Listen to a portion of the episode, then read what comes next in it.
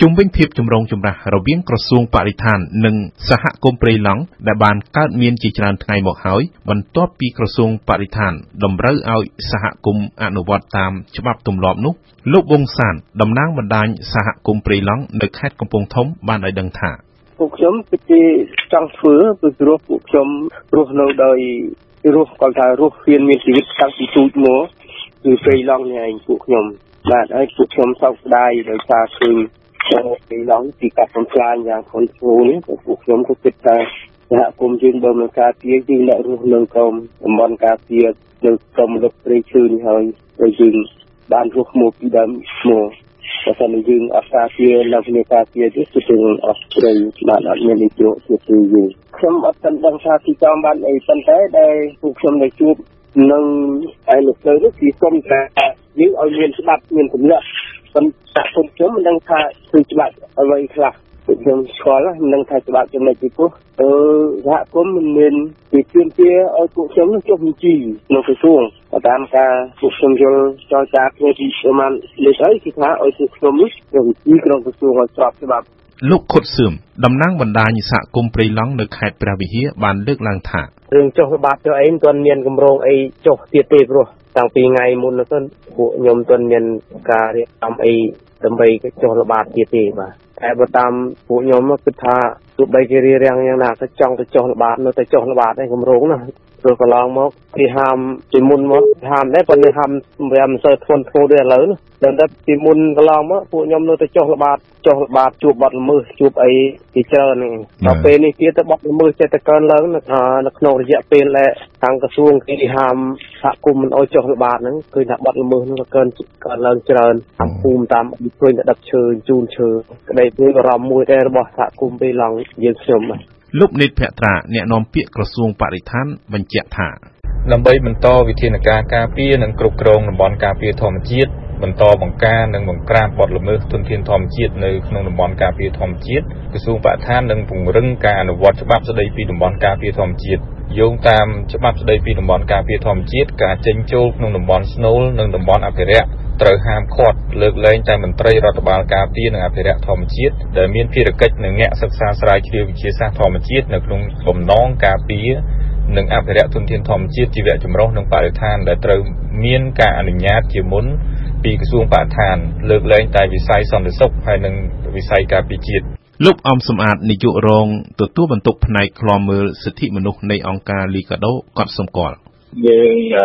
ឃើញហើយថាការចូលរួមពី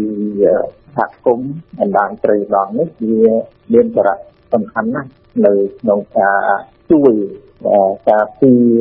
តំបន់ព្រៃឡង់ទាំងមូលតែម្ដងពីព្រោះកន្លងមកយើងឃើញថាសហគមន៍នេះក៏សាក់ទៅតាមណាស់ក្នុងការជួយការពីហើយក៏មានការចូលរួមពីមន្ត្រីអាជ្ញាធរឬក៏ខាងបរិស្ថានផងដែរជារៀងរាល់ឆ្នាំនៅពេលដែលប្រពនៅទីជាបំពុះដើមឈើហើយនឹងការល្បាតព្រៃដើម្បីការពារណាអញ្ចឹងគឺឃើញប្រព្រឹត្តទៅដោយរលូន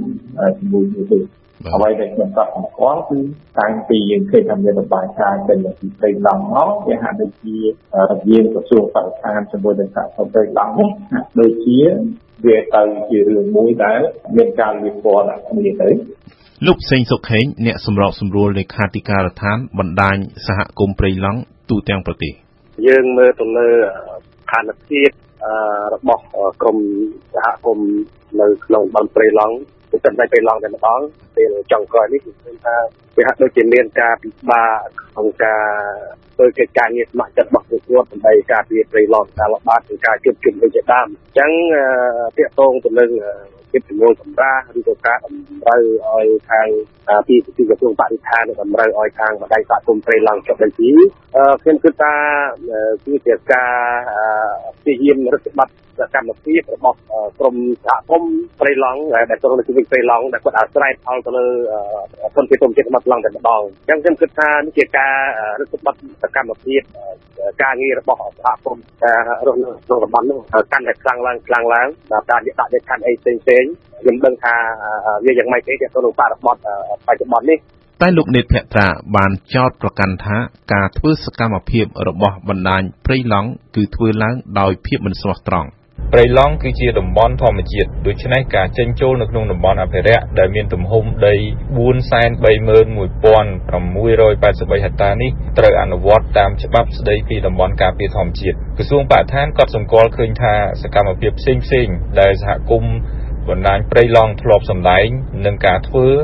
បង្កប់ដោយភាពមិនស្មោះត្រង់នៅក្នុងនាមជាដៃគូនាពេលកន្លងមកដែលនេះមិនមែនជាមធ្យោបាយល្អនិងមិនមែនជាជំរើសសម្រាប់អ្នកស្រឡាញ់ធនធានធម្មជាតិពិតប្រាកដឡើយគឺគ្រាន់តែជាសកម្មភាពដែលគ្មានប្រយោជន៍វាយប្រហារទាំងទទឹងទឹះមិនបានជួយបំពេញបន្ថែមនៅក្នុងការការពារនិងអភិរក្សធនធានធម្មជាតិដែលក្រសួងបរិស្ថានបានប្រាថ្នាចង់បានប្រជាពលរដ្ឋទូទៅចង់ឃើញឡើយអ្វីដែលក្រមបណ្ដាញព្រៃឡង់ព្យាយាមបំពានច្បាប់ម្ដងហើយម្ដងទៀតនេះទោះបីជាក្រសួងបរិស្ថានបានណែនាំជាច្រើនដងរួចមកហើយក្តីវាជាសកម្មភាពរុញឲ្យខ្លោចរូចឲ្យឆៅលើការងារអភិរក្សធនធានធម្មជាតិនិងជាសកម្មភាពដែលមានអង្គការចាត់តាំងច្បាស់លាស់ប្រកបដោយចេតនាទុច្ចរិតក្រមលេះធ្វើជាអ្នកស្រឡាញ់ធនធានធម្មជាតិលោកអំសំអាតបន្តដោយលើកឡើងការពារសិទ្ធិរបស់សហគមន៍ព្រៃឡង់ថាឆ្នាំហ្នឹងគឺសហគមន៍ព្រៃឡង់ហ្នឹងក៏អត់អាចនឹងចូលទៅបំពុះដល់ឈើអីដូចដល់ឆ្នាំបានទេតែបើនិយាយអំពីគោលការណ៍នៃច្បាប់ គាត់ដូចថាបីដូចជាមិនមិនមានខុសអ្វីទេទី1នៅក្នុងច្បាប់សមាគមនិងអង្គការមិនមែនរដ្ឋាភិបាលគឺអត់បាននិយាយដល់សហគមន៍មូលដ្ឋានទេនិយាយតែអំពីសមាគមក្នុងស្រុកនិងបរទេសអង្គការមិនមែនរដ្ឋាភិបាលក្នុងស្រុកនិងបរទេសអត់បាននិយាយអំពីសហគមន៍មូលដ្ឋានទេក្នុងការចុះបញ្ជីតែគាត់អត់មានអីនៅក្នុងទី2យើងឃើញថាមុនពេលចូល ទៅធ្វើប្រពៃហ្នឹងគឺពួកគាត់បានជូនដំណឹងដោយរាល់ឆ្នាំអញ្ចឹងដល់អាជ្ញាធររួចអស់ហើយតែអាជ្ញាធរអត់បានឆ្លើយតបអានេះក៏មិនមែនជាកំហុសរបស់សហគមន៍ព្រៃឡង់ដែរលោកផ្សេងសុខហេងបន្ថែមចំពោះកម្មភាពរបស់ក្រសួងពាក់ព័ន្ធវាហាក់ដូចជាមានការមានការយល់ខុសគ្នាទាក់ទងទៅនឹងកតាបកិច្ចទទួលនីតិជាពិសេសកិច្ចការងារស្ម័គ្រចិត្តរបស់សហគមន៍មូលដ្ឋាននោះខ្ញុំគិតថារដ្ឋាភិបាលគួរតែលើកទឹកចិត្ត ឲ្យសហគមន៍នោះគាត់មានឱកាសមានសេរីភាពដោយពេញលេញក្នុងកិច្ចការងារជូនដំណើរក្នុងការការពារធនធានធម្មជាតិដែលជារបស់ជាតិទាំងអស់គ្នាព្រោះអីព្រៃឡង់ខ្ញុំគិតថាវាជារបស់ជាតិរបស់រដ្ឋអញ្ចឹងមិនចាំបាច់តែក្រសួងដែលធ្វើការសម័យឬក្រសួងបរិស្ថានដែលគាត់ថាជា